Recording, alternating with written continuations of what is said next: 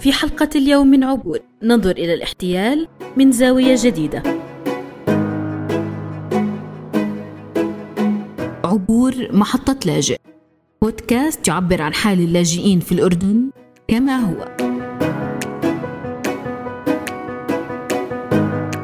لم يملك اللاجئون خيار في ترك وطنهم وليس لهم في الحنين من بعد ذلك يد. ما يملكونه في بلد اللجوء هو الأمل. والإصرار على مواجهة الحياة بالاندماج على المدى القريب والسعي نحو الحلول المتاحة على المدى الأطول. كلاجئين إحنا طبعا أي واحد بيحاول إنه يتعلق بقشة. استعجال الأمل. منفذ يبحث عنه من تسول له نفسه بالاحتيال على اللاجئين بمختلف الأشكال.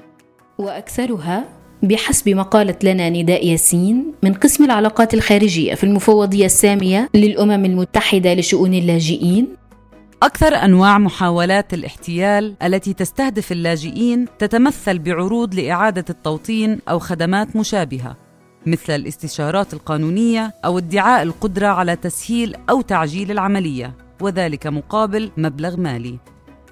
في عصر السرعة الذي نعيشه كثرت النوافذ الإلكترونية التي يمكن أن تطل على آمال ووعود منها ما يمكن أن تكون جيدة لدرجة يصعب تصديقها أحيانا.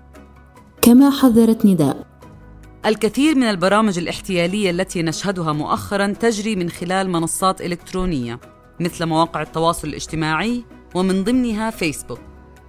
كما ويتم تداول الكثير من الرسائل الاحتيالية من خلال واتساب وغيرها من منصات التواصل مثل إيمو. عمليات الاحتيال وخاصة الإلكترونية منها أكثر مما نتصور. قد يعتقد الكثير من الضحايا أنهم وحيدون أمامها أو أن السبل أغلقت أمامهم بمجرد وقوعهم في متاهة الاحتيال. كما تشرح لنا نداء.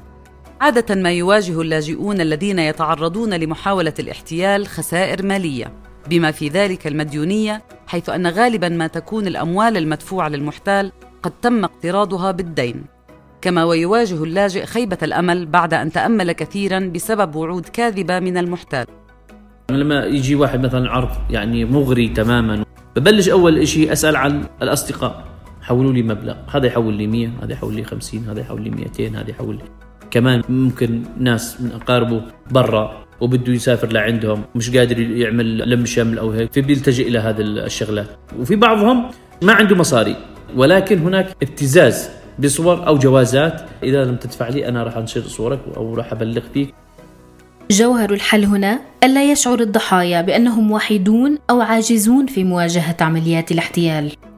ففور إبلاغ اللاجئ المفوضية عن محاولة الاحتيال يتم تقديم المشورة والمساعدة القانونية له عن كيفية الإبلاغ لدى السلطات المحلية وهم الجديرون بالتحقيق في هذه الجرائم والتعويض من خلال النظام القضائي.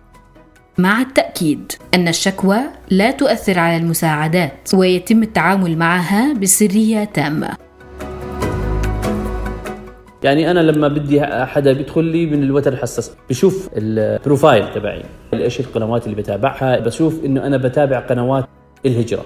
بنتابع قنوات فرص العمل. هذه كلها أحيانا بيستغل خاصة إذا البروفايل بالفيسبوك مش محمي أو مسكر يكون هذه فرصة للمستغلين إنهم يدرسوا نفسية الشخص هذا وعلى إيش بيبحث. بالتالي بيدخل يستغل الأشخاص ببلش معاهم. عندنا فرص السفر لدولة معينة عندنا منح عندنا كذا. يمكنك الدخول من خلال هذا الرابط. بيكون موجود الرقم. هذا علشان يكسب ثقة الشخص اللي هو بده يتواصل معه بيطمنه بكل أريحية. عند تلقي أي خدمة على اللاجئ التأكد من هوية الشخص الذي يقدم تلك الخدمة وأن الخدمة حقيقية. لا يتوجب على اللاجئ مشاركة أي معلومة خاصة أو وثائق مع أي شخص لم يتأكد من هويته أو مصداقيته أولاً. درهم وقاية خير من قنطار علاج. حكمة قالها القدماء وتنادي بها المفوضية السامية للأمم المتحدة لشؤون اللاجئين اليوم. هنا تؤكد نداء.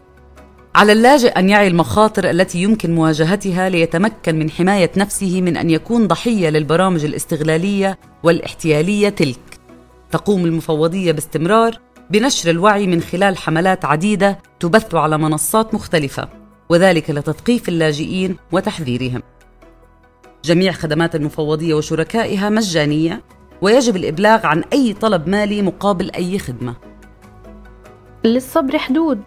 قد يردد لسان حال اللاجئ لكن من المهم أن يذكر نفسه كل يوم بأنه يملك الإرادة والقوة لأن يرسم تلك الحدود بيده لطريق آمن نحو الغد مهما طال أو قصر.